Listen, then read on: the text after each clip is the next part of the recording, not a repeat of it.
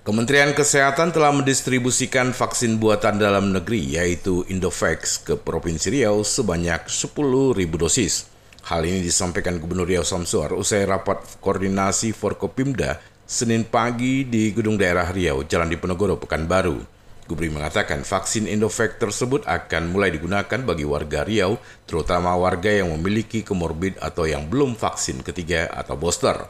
Karena itu Gubernur berharap warga dapat datang ke tempat-tempat yang disiapkan pemerintah daerah untuk melakukan vaksin, terutama vaksin booster. Kemudian kami juga tadi sampaikan berkaitan dengan COVID. Uh, COVID ini tetap pemerintah daerah bersama semua rumah sakit dan dinas kesehatan kabupaten kota mereka siap melayani masyarakat terutama vaksinasi.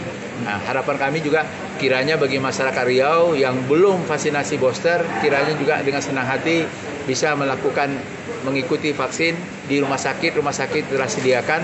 Dan ini juga vaksinasi yang per, yang yang sekarang ini juga sudah dimulai. Vaksinasi yang bersumber dari produk dalam negeri yang namanya Indopak. Nah, ini ini sudah ada di Riau sekarang ada 10.000 vaksin yang telah ada.